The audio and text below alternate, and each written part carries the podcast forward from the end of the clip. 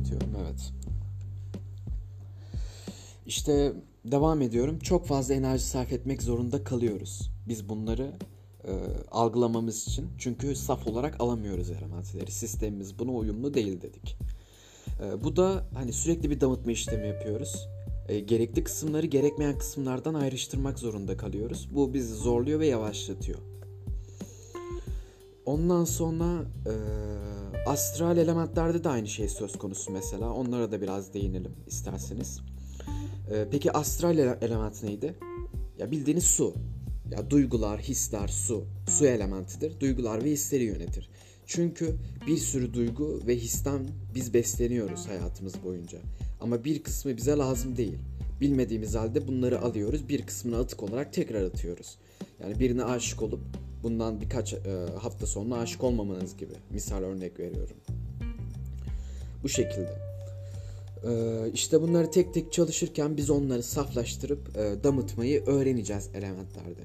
Peki e, biz ben bu derse başlamadan önce size bir soru sormak istiyorum. E, Avlu kanalına cevapları bekliyorum. Hadi böyle mükemmel bir soru soralım. Herkesten cevap bekliyorum. Hani bir fikriniz olmasa bile en azından düşüncenizi belirtebilirsiniz. Astral element dedik yani su elementi, hisleri, duyguları kontrol element aynı zamanda astral planda, astral zeminde, astral boyutlarda diğer varlıklarla iletişime geçmemizi sağlayan o sistematik yapıdan bahsediyorum. Astral deneyimlerde tamam mı? Biz astral elementi en saf biçimde nasıl alabiliriz? Bu sorunun cevabını e, avluda bekliyorum şu anda. Biz astral elementi en saf biçimde nasıl alabiliriz?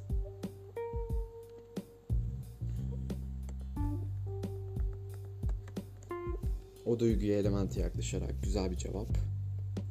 Element ile bütünleşerek tabii biraz daha boyutsal düşünün. Mesela astral ile ilgili diğer kavramları da düşünün. Sadece su elementi olarak düşünmeyin.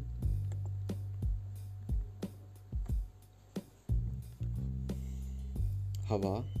Güzel. Havayla pek alakasız. Suda değil. E, bu diğer elementlerden bahsediyorsunuz. Su e, bildiğiniz hani astral element su. Bizim bildiğimiz su evet. Ama ben diyorum ki sorumu iyi kavrayın. Astral elementi en saf biçimde nasıl alabiliriz vücudumuza?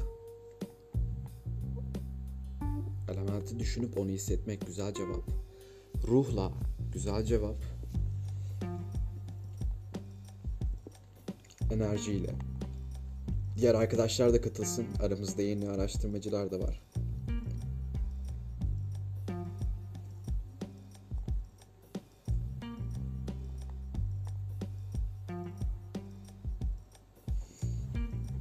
Güzel. Astral element derken hani biraz daha açayım sorunuzu kolaylaştırayım ben sizin. Şöyle ki e, biz hani astral boyutlara çıkabilme yetisi kazanıyoruz ileride değil mi? Astral elementi en saf biçimde nasıl alabiliriz o zaman?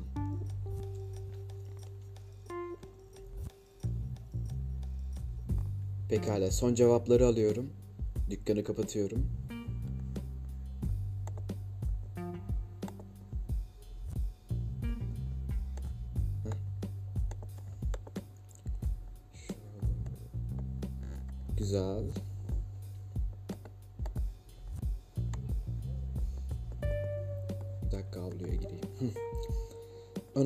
Kapris. Hoş geldin.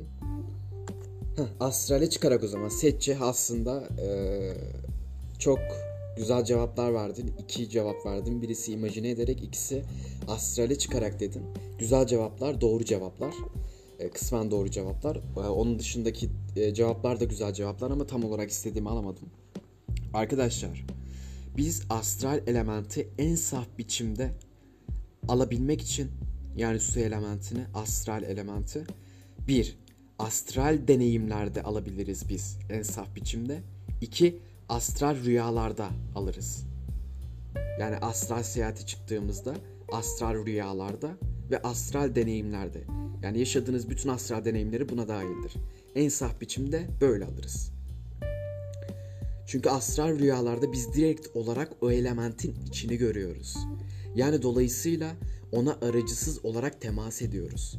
Yani bazen değişik olabiliyor evet ama e, astral olduğu için hani astral yoğunluk oluyor. Yani oradan arıcısız olarak bu elementi yüklenmiş oluyoruz.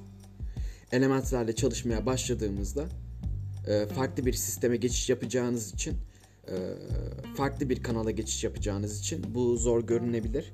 Niye? Çünkü sizi o yönden geri çekmeye çalışır bu enerjisel güç. O yüzden bu element konusunda gözünüzü korkutmayın. Şimdi isterseniz e, şarjıma da bakıyorum hemen. Yeter mi? Evet yeter. Ee, o zaman bir yayın açalım. Oradan devam edelim. Ekran. Ee.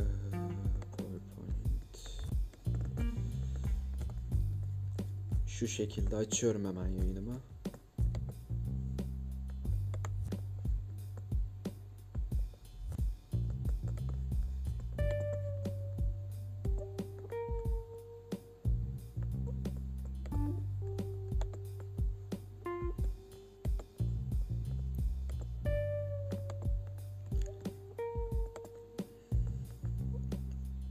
Şu şekilde. Şu an görebiliyor musunuz? Biriniz ses açıp iletirse. Evet, elementler hakkındaki dersimize hoş geldiniz.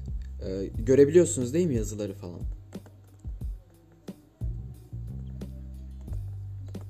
Güzel. Arkadaşlar elementler hakkında dersimize hoş geldiniz öncelikle. Ateş, su, toprak ve hava ilk çağlardan beri yaşamın kaynağını anlamak için yola çıkan çoğu büyük düşünürün çalışmalarında konu olan mistik dörtlüdür. Ait oldukları bir üst başlık olan elementlerin öyle gizemli bir dünyası var ki içine girdikçe daha fazla kaybolduğunu hissedebiliyor insan. Gelin ortak olun bize bu yolculukta. Yani koleksiyonumuzda bize ilham veren bu dünyanın bir parçası da siz olun. Elementlerin tarihi ve felsefik açıdan ince, inceleyelim birlikte. Ee, birlikte çıkacağımız bu yolculuğa element kelimesinin nereden geldiği bilgisiyle başlamaya ne dersiniz? Grekçe'de yani bizim e, bildiğimiz Grekçe'de elementa kelimesinden türüyor elementler. Bir merdivenin ilk basamaklarına tırmanmak anlamına geliyor. Şu an bildiğimiz biyolojik elementlerin çoğu da bir merdiven basamağı gibi dizilmiştir aynı zamanda. Bu anlam bir bilim veya metodun ilk unsurları olarak da yor- yorumlanıyor. İlk çağlarda evrendeki her şeyin ateş, hava, su ve toprak olmak üzere dört elementten oluştuğu söyleniyordu. Ama biz biliyoruz ki dört e, temel elementin haricinde birçok elementimiz de mevcut. E, bunları az sonra ileteceğiz sizlere. Peki bunları kim söylüyordu bu dört elementten oluştuğunu? Daha oraya gelmeden önce İyon felsefesinden bahsedeceğiz. E, Milattan önce 7. yüzyılın sonlarında Anadolu'nun Ege kıyılarında kurulan bir okul vardı. İonya okulu. İyonların kurulduğu bölgede. Efes, e, Milat, biz o, zamanlarla Milet, e, İzmir, Didim gibi şehir devletlerden oluşan İonya'da yer alan bu okulun bilim adamları arasında Thales vardı, Heraklit vardı, Anaximenes vardı. Ee, özellikle bilim insanı diyorum çünkü her biri o güne kadar hakim olan mitolojik bakış açısının karşısında doğu olaylarını gözlem, gözlemleme, araştırma, metotlar ile ilerleme gibi yöntemlere bağlı kaldılar. İyonları da bilirsiniz pek savaşçı bir e, devlet yapılarına sahip değildi. Bir topluluk olarak görülüyordu zaten İonya ve İzmir e, açıklarında kurulduğu için denizci bir denizci bir algıları vardı. Yani denizcilikle uğraşıyorlardı. Böylelikle hem Yunanistan'a bakış açılarından dolayı da onlar e, biraz daha felsefeyle e, içli dışlı oldular arkadaşlar. Element, yaratılmış olan her şey yani. Makrokozmos ve mikrokozmos, küçük ve büyük dünyalar elementlerle yaratılmıştır. Bu nedenle inisiyasyonun en başından bu güçleri ele alacak derin ve çok katlamlı e, çok katlı anlamlarını özellikle vurgulayacağım. Okült yazında elementlerin güçleri hakkında bugüne kadar çok az şey söylenmiştir. Bu yüzden hala bir bilinmez olan bu alanı incelemeyi ve elementsel kuralları örten perdeyi açmayı kendime görev edindim ki az önce de e, bahsettiğim üzere ne kadar uğraşırsak uğraşalım günümüzde çağımızda hala elementleri tam olarak anlayabilmiş değiliz. Anlamamız da bu fizik yapısıyla maalesef mümkün değil. Yine baktığımızda inisiye olmayanları elementlerin varlığı ve faaliyetleri konusunda bilgilendirmekle kalmayıp ileride bu güçleri pratik olarak kullanmalarını sağlamak hiç de kolay bir şekilde e, yapılamaz. Kolay bir işte değildir. Burada görüyoruz hava elementimiz tam zıt olarak toprak. Ateş ve suda tam zıtlık olarak e, geçiyor ve ara, ara elementlerin e, niteliklerinin bazı pro, e, protofolyoları ıslaklık, soğukluk, kuruluk yani ateş ve toprak kuruluk, ateş ve hava sıcaklık, e, su ve hava ıslaklık, e, su ve toprakta soğukluk e, olarak ara element olarak alacağız biz bunları. Ara element değil de yani tabiri caizse söylüyorum bunları. Peki bunların kökenleri nelerdir? Biraz daha maji konusu olarak bakacağız bu elementlere. En eski doğu metinlerinde elementler tatva olarak adlandırılmıştır. Avrupa yazınında ise e, bunlar sadece iyi etkileri açısından ele alınır ve iste, e, istemediğimiz etkilerine karşı uyarılırız. Yani belli işlerin e, tatvalar etkileri altında yerine getirebileceği ya da o işin hiç yapılmaması söylenir. Bu sözün doğruluğuna kuşku yoktur ancak bugüne kadar yayınlanmış olan bilgiler sadece elementlerin hafif etkilerine işaret etmekle yetinirler. Yani nedir bu? Örnekleyerek açıklayacağım sürekli anlamanız için.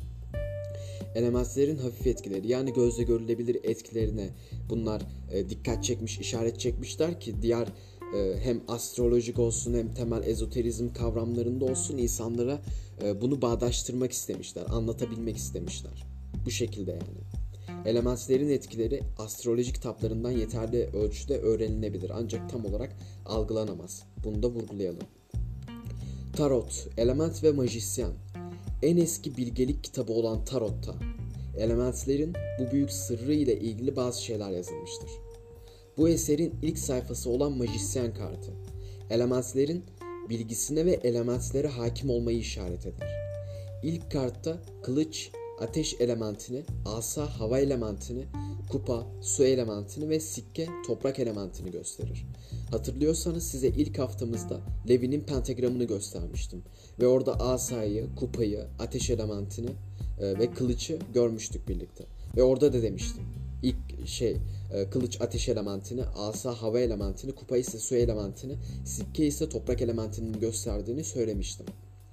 Yüksek bilginin gizemlerinde majisyenin ilk tarot kartı olması, elementlere hakim olmanın inisiyasyonun ilk adımı olduğunu kanıtlar. Peki inisiyasyon neydi arkadaşlar? Bana birisi inisiyasyonun tanımını yapabilir mi yorumlarda? Bizim inisiyasyon dediğimiz şey neydi?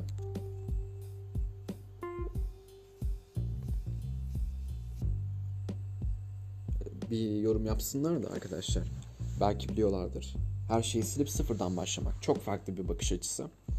En kısa tabirci eğitim süreci. Çok güzel bir tanım.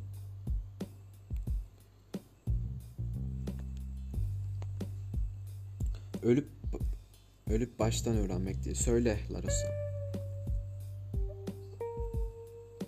Hamine Zeki pardon.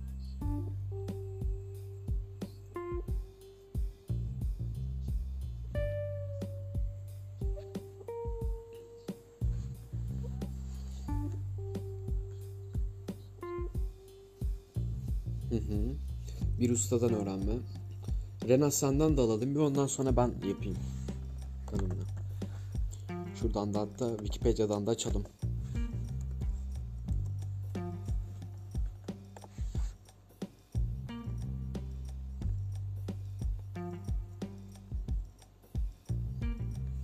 Güzel. Güzel cevaplar. Teşekkürler katılımınız için. Arkadaşlar, inisiyasyon kimi ansiklopedilerde bireyin spiritüel gelişimi yani ruhsal gelişimi için ruhsal tesiri alıp aktarabilen bir üstadın sert ve sürekli kontrolü altında bir düzen ve disiplin içerisinde sınavlara dayalı tarzda metotlu olarak eğitim şeklinde yani metotlu olarak eğitimi bir ustanın bir çırağı düzen ve disiplin içinde sınavlara dayalı tarzda sert ve sürekli kontrol adı altında eğitime şeklinde geçer Wikipedia'da tanım olarak. Latince kelime anlamlarında bir yere gitme, kabul edilme, başlama anlamlarına da geliyor. Evet teşekkürler Larosa. Ee, teşekkürler katılımınız için tekrardan. İlkeler. Arkadaşlar Hindu, Hinduların tatva sıralaması aşağıdaki gibi. Akasha, esir ilkesi yani. Tejas, ateş ilkesi. Vaju, hava ilkesi. Apaş su ilkesi, Pritivi toprak ilkesi olarak geçer. Bu ilkelerin isimleri tek tek aslında bu isimlerin nereden geldiğine yönelik birçok spekülasyon var ortada. Bunlardan bazıları e, o zamanlarda Chi Shu adlı bir e, majisyenin astral e, seyahati ve astral düzleme ilk e, giden insan olarak geçer bu tar- tarihte ve majisyenlik tarihinde. E, bu giden insan e, bu elementleri ve bu elementlerin ilkelerini belli bir varlıktan, o varlığın adını unuttum şu an kusura bakmayın, o varlıktan öğrenip bu isimleri gelip bir e, öğretiye aktarıyor ve bu öğreti ezoterizm adı altında bizlere e, geçiyor. Yani bir arkadaş bana özelden sormuştu bu isimleri çok garip hani kim koymuş diye. Ona da böyle bir cevap vermiş olalım. Ateş ilkesinden başlayalım o halde. Ateş ilkesiyle ilgili birçok şey duymuşsunuzdur zamanda. Bana göre ateş ilkesi e, doğuş elementtir, ilk elementtir. Ve bu element diğer elementlerin de temelini oluşturur. Aynı zamanda akışın, akışadan da doğan ilk elementtir tejas. Ateş ilkesi tejastır yani. Bu element ve bütün diğerleri sadece bizim kaba, maddi planımızı değil. Yani geleceğimizi, geçmim, geçmişimizi, of, zamanımızı belirleyen kozmik enerjiyi, enerjisel bütünlüğü, özlüğü, özlüğümüzü belirten planımızı değil, yaratılmış olan her şeyi etkilerler. İşte vektörel anlamda, zamansal anlamda, işte aklınıza gelen her türlü fizik kuralları olsun, fizik yasaları olsun, o anlamda kanunlar anlamında yaratılmış olan her şeyi etkilerler. Ateş ilkesinin temel nitelikleri sıcaklık ve genişlemedir. Biraz hatırlayın fizik derslerinden ateşin genişletici ve bunaltıcı etkisini sıcaklık ve genişleme e, o e, belli bir sıcak bir deney tüpün tüpünün içerisine e, böyle bir deney yapıyorlar ve e, genişlediği görülüyor bu bilimsel olarak kanıtlanmış. Ama burada bahsedilen genişleme daha çok spiritüel anlamdaki genişleme. E, nasıl bir genişleme? Ruhsal anlamında bir genişleme. Dolayısıyla yani baktığımız zaman e, bu terimler hem spiritüel anlamda hem de gerçekten bilimsel anlamda bizi etkileyen terimler. Dolayısıyla başlangıçta yaratılmış olan her şey ateş ve ışık olmalıdır. E yani ateş ilkesi genişleme niteliğine sahiptir. Okey. Daha iyi kavranması için buna elektrik akım diyeceğim.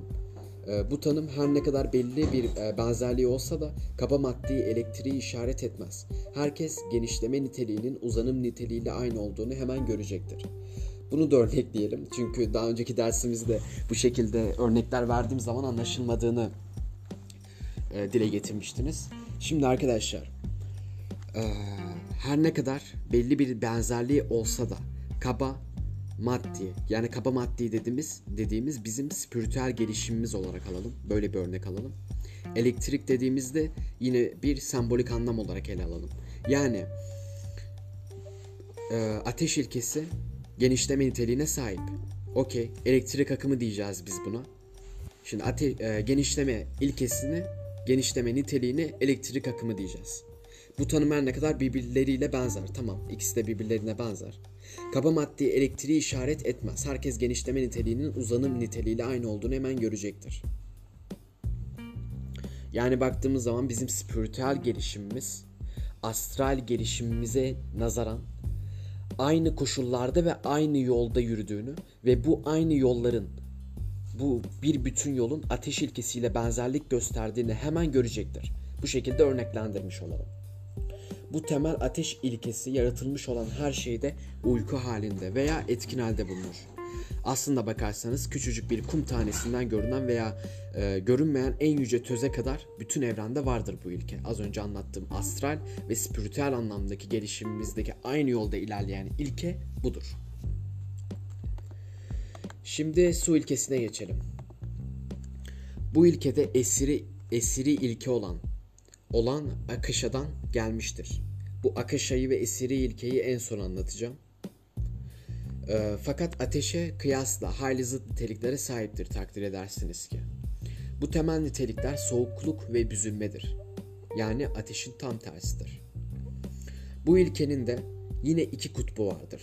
Bunlardan biri etkin, yapıcı, hayat verici, besleyici, koruyucu kutup iken diğeri yıkıcı, çözücü, fermente edici, parçalayıcı ve bölücüdür. Yani iki kutbu varmış bunun. Aynı e, ateş ilkesiyle olan zıtlıkları gibi bunun da zıtlıkları var. Bu element temel büzülme ve daralma niteliğine sahip olduğu için manyetik akımı üretir. Ateş ve su bütün her yerde işler haldedir.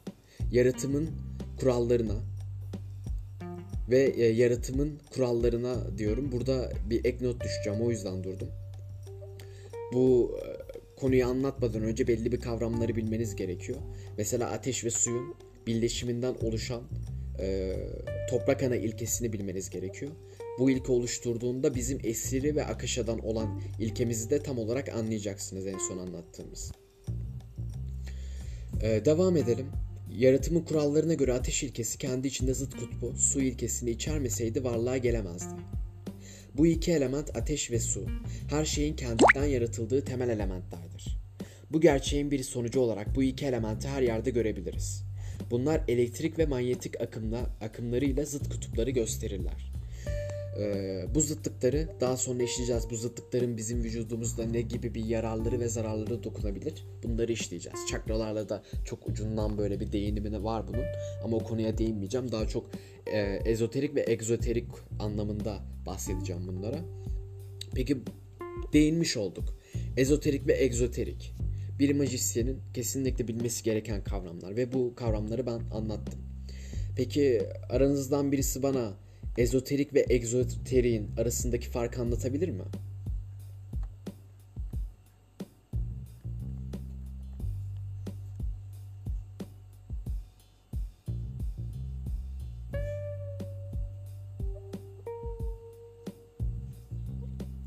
Buyur Setçi.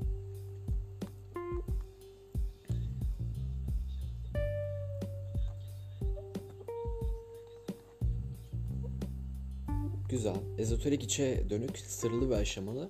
Egzoterik dışa dönük, sınırları olmayan. Ezoterik dışa kapalı, içsel anlamına gelirken egzoterik dışsal, genel herkes olan anlamındadır aslında. Ya baktığım zaman e, çoğunuzun sadece ezber olarak bunu algıladığını görüyorum. Ezoterim içrek, alınan öğretilerin bütünüdür. Dinler açısından batınilik, e- egzoterim ise halka açık olan öğreti şeriat kısmıdır. Güzel tanımlar. O zaman bence e, benim tanımımla bir buna bakalım isterseniz. Şu şekilde. Ben alayım bunu buradan. Ee, arkadaşlar. Ezoterik ve egzoterik konuları gerçekten birbirlerini tamamlayan bir bütündür. Bir bütündür diyorum. İkisi tamamen zıttır. Zıt kavramlara değinirler ve ikisi tamamen aynı değildir. Birbirlerinin siyah ve beyaz gibi zıt, zıtlarıdır aynı, aynı şekilde. Ee, bunu şu şekilde halledeceğiz biz sizle. Bunun tanımını e, yapayım hemen size.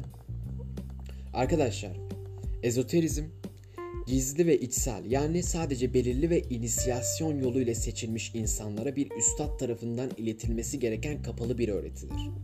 Ezoterizm bir konudaki derin, gizli ve saklı bilgilerin sadece bu bilgiyi hak eden ehil kişilere aktarılması gereken bir öğreti olduğunu söyleyebiliriz. Peki egzoterizm nedir? Egzoterizm ise ezoterizmin tam zıt kavramı olduğunu biliyoruz. Bu zıt kavramın temelinde ezoterizmde olan bu gizli ve içsel bilgi yerini tam tersine bırakarak daha dışsal bir boyuta evriliyor. Ve yukarıda yani e, az önce bahsettiğim kavramları egale ediyor.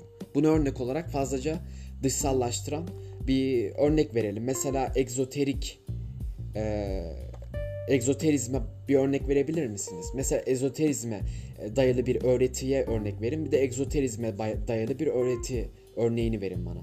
Mesela. Tanımları biliyorsanız çok kolaydır. Evet. Ezoterizm.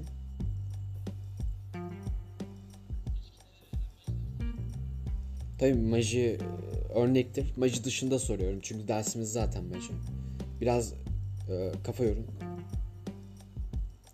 Yani ezoterizm öğretilerine bir örnek verin mesela. Hermet mesela hermetik değil mi? Wicca evet Hermes. Kabala güzel. Güzel bu şekilde. Yani neymiş? Biz biliyoruz ki maji dediğimiz olgu veya Wicca dediğimiz, Hermes dediğimiz olgu bir din değil, bir din öğretisi değil. Dinlerin tamamen e, dinlerin tamamının bütünleştirildiği öğretilerdir.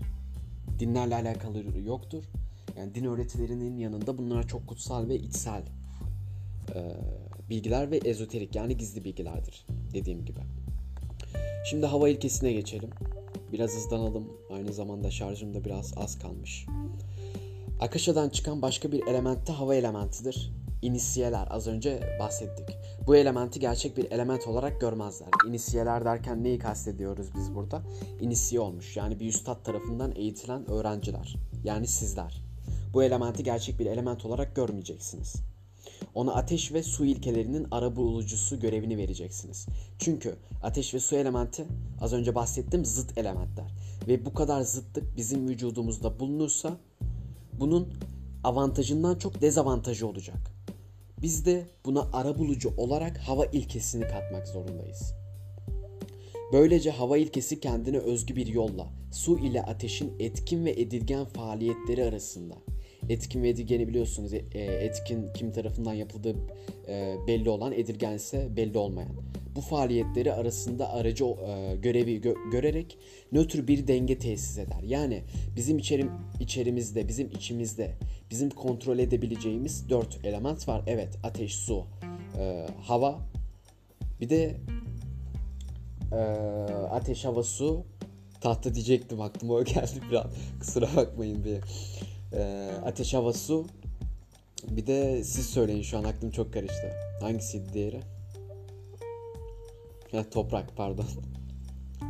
Ateş, hava, su ve toprak dört element var. E, iki element birbirinin zıttı olacak. Diğer ateş ve sunun, suyun birbiriyle zıt olduğunu biliyorsunuz. Ve bu zıtlık bizim vücudumuzda avantajından çok da dezavantajı sağladığı için ve bizim astral boyutta e, det, e, det enerjik e, anlamında bu zıt elementler bize daha çok dezavantaj olarak dönecek. Bu yüzden biz majisyenler olarak diğer insanların aksine ateş ve su zıtlığını bir ara bulucu yaparak onları nötrleştirmemiz gerekiyor.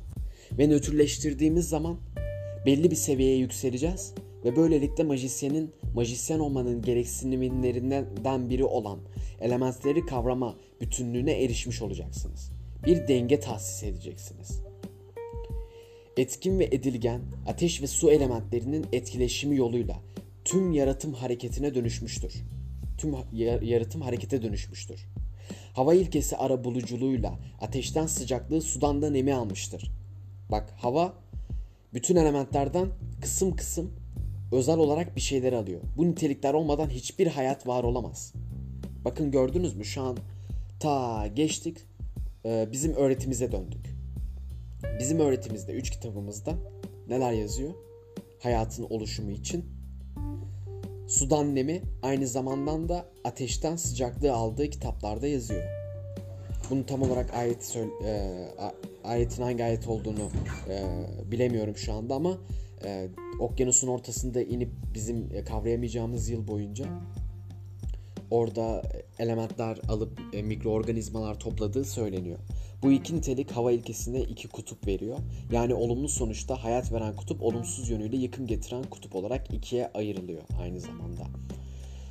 Ee, az önce bahsettiğimiz üç elementin etkileşimiyle toprak elementi doğuyor. Ve son element olarak bütün diğer elementlerin katılaşmasıyla oluyor. Bu nitelik sayesinde e, bu bahsettiğimiz üç element somut bir biçim kazanıyor. Fakat üç elementin eylemlerinin aynı zamanda uzay, ölçü, ağırlık ve zamanla sınırlaması da başlıyor. Üç elementin toprak elementiyle birlikte karşılıklı etkileşimi bu şekilde tetropolar hale geliyor. Tetropoların ne olduğunu biliyor musunuz? Yazın bakalım. Ben de aynı zamanda kendi düşüncelerim bu konuda ve ee, Wikipedia'dan da bakacağım.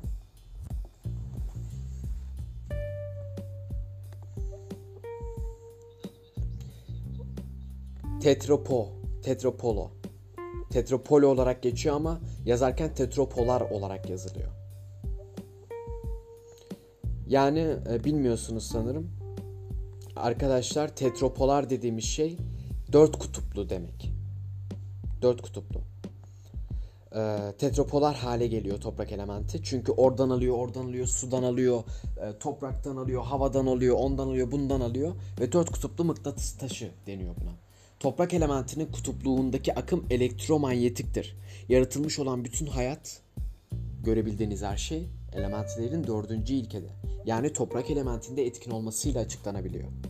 Yani bizim gördüğümüz yaratılmış olan bütün varlıklar, uzay zaman bütünlüğü, fizik kuralları, yasaları, kanunları, e, vektörel, astral, eterik her şey tüm elementlerin yani dördüncü ilkede yani toprak elementinde etkin olmasıyla açıklanabilir. E, Akasha yani esiri ilke en çok öğrenmeniz gereken ve en çok aklınızda kalması gereken e, konu işte bu arkadaşlar. Bunlara değinelim şimdi dilerseniz. Elementleri tarif ederken birkaç kere onların esil ilkesinden geldiklerini söylemiştim. Az önce zaten bütün elementleri anlatırken başında işte esir dedik, akışa dedik, bunlardan doğmuştur dedik. Ateş e, elementini işte akışadan doğan ilk element dedik vesaire. O halde esiri ilke nihai, mutlak, yüce ve en kudretli olandır. Yani bütün elementleri kendinde toplayan, bütünleştiren kavramdır. O kavranamaz ve var olan, yaratılmış her şeyin nihai sebebidir. O kavranamaz ve var olan, yaratılmış her şeyin nihai sebebidir. Kısaca özetlemek gerekirse o nedensel alandır. Bizim aradığımız nedenselliktir. Belirsizliktir, gridir yani. Bizim şu an bir kara deliğe baktığımızda kara deliğin içinde ne, neler olup bittiğini anlayamıyorsak veya bir kara deliğin ışığı neden büktüğünü anlayamıyorsak tabi bilimsel olarak tanım yap yapılabilir ama neden böyle bir fizik kuralının ve yasasının çiğnendiği anlaşılamaz. Ee, bir kara deliğin içinde neler dönüp döndüğü bilinmiyorsa, bir solucan deliğinin neden evrende solu, solucan deliğinin olduğuna dair bir sebep yoksa biz bunların hepsine nedensel alan diyoruz. Yani bir nedenselliklerini arıyor insan.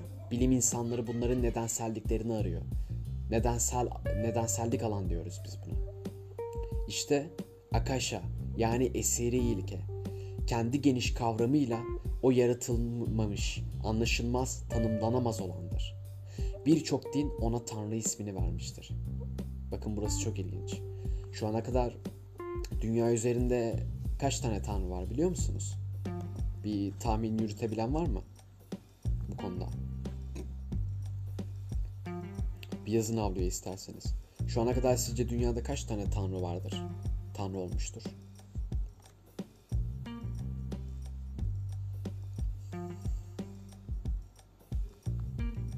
Hmm. 10 bin dedi bir arkadaşımız. 4 bin, 3 bin, 4 bin. 10 binden fazla demiş. 5000 5000 evet 5. Neden 5000 yazıp da sonra 1000 dedin ki? Kafam karıştı. Şarjım az kaldı. O sonunda Aurora yani. Arkadaşlar sadece Şintoizminde bak sadece Şintoizmde 5 milyon tane tanrı var. Sadece Şintoizminde. Hinduizm'de en az 300 milyon bildiğimiz tanrı var. Bütün dünyaya kıyasla biraz e, bunu tahmin etmeye çalışın. Belki de 1 milyarı bulmuştur yani tanrı sayısı. Mitolojileri hatırlayın. Loki'sinden tutun Thor'una kadar e, onları hatırlayın. İskandinav, Yunan, ondan sonra işte Hinduizm'den tutun.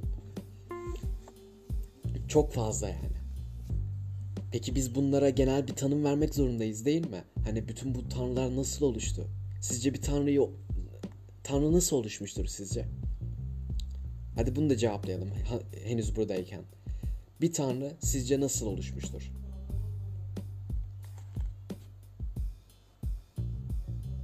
Düşünce olgusu. Biraz felsefik düşünün bu konuyu. Ezoterik olarak değil, maji, majisyen olarak değil, sadece felsefik olarak düşünün. Bir insan neden Tanrı yaratır? Neden Tanrı olmasını düşünür?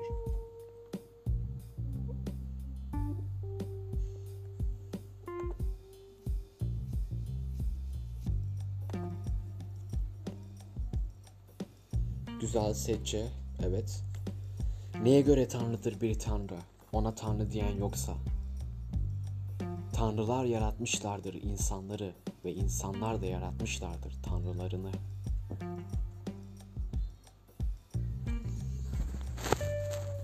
Hayır. Ya çoğu tanrı biliyoruz ki uydurma yani. Şöyle ki arkadaşlar. Bir insan ilk çağlardan itibaren, ilk yaratılan insanlardan itibaren tamam mı? O insanlar bir üst varlığa her zaman inanma eğiliminde olmuşlardır. Çünkü ortalıkta bir ölüm var, yok olmak var. İnsanlık kendi egoizmini, kendi süper egosunu buna yedirememiştir. Ve böylelikle çok kısa bir genel tanım yapalım.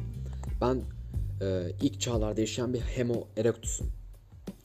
Ve e, kendi kabilemle birlikte 10 kişilik bir kabilemle birlikte geziyorum. Ve çok iyi bir yanımda sürekli arkadaşım var. Çok iyi bir arkadaşım var. Ve bir sabah arkadaşımın yanımda bembeyaz işte hareket etmiyor bir şekilde yani ölmüş ölmüş bir şekilde görüyorum. Ondan sonra diyorum ki abi bu adam daha dün hareket ediyordu daha dün hayat doluydu bu adama ne oldu ya diyorum. Ondan sonra benim aklımda bir şeyler belirleme, belirlenmeye başlıyor. E demek ki bu adamın içinde başka bir beden var. O beden de bu fiziksel bedenden dışarı çıkınca bu adam bu bedenini artık kullanamıyor.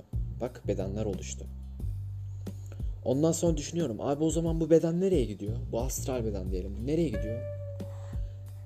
Genellikle insanlar gö- göğe bakarak bunu tanımlamıştır. Demek ki göğe yükseliyor. Gökte ne var? Şimdi bazı Valorant oynayan arkadaşlar gellerini tutsunlar.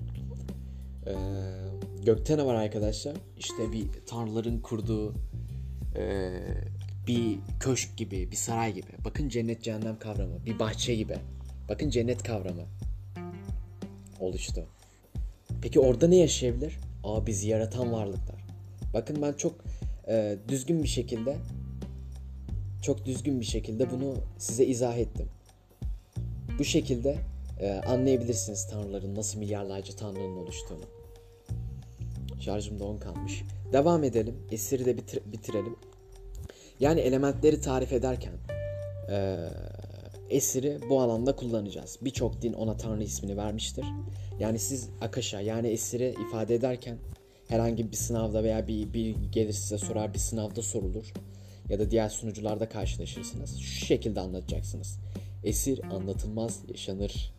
Elementleri tarif ederken diyeceksiniz ki esir ilke, esiri ilke, nihai, mutlak, yüce ve en kudretli olandır diyeceksiniz. Kavranamaz diyeceksiniz. Yaratılmış her şeyin nihai sebebi diyeceksiniz. Kısaca özetlemek gerekirse diyeceksiniz o nedensel alandır diyeceksiniz. Yaratılmamış, anlaşılmaz, tanımlanamaz olandır diyeceksiniz ve birçok din ona Tanrı ismini vermiştir diyeceksiniz. O kudrettir diyeceksiniz. Kökendir, güçtür diyeceksiniz. O bütün düşüncelerin, niyetlerin kaynağı ve saflığı en yüksek kürelerden en aşağısına kadar bütün yaratımın dayandığı sebepsel dünyadır diyeceksiniz. Kök yani kök. Şimdi yayını kapatacağım ve bu şeyi pdf ister misiniz arkadaşlar? Kaydedip e, sunucuya atayım mı?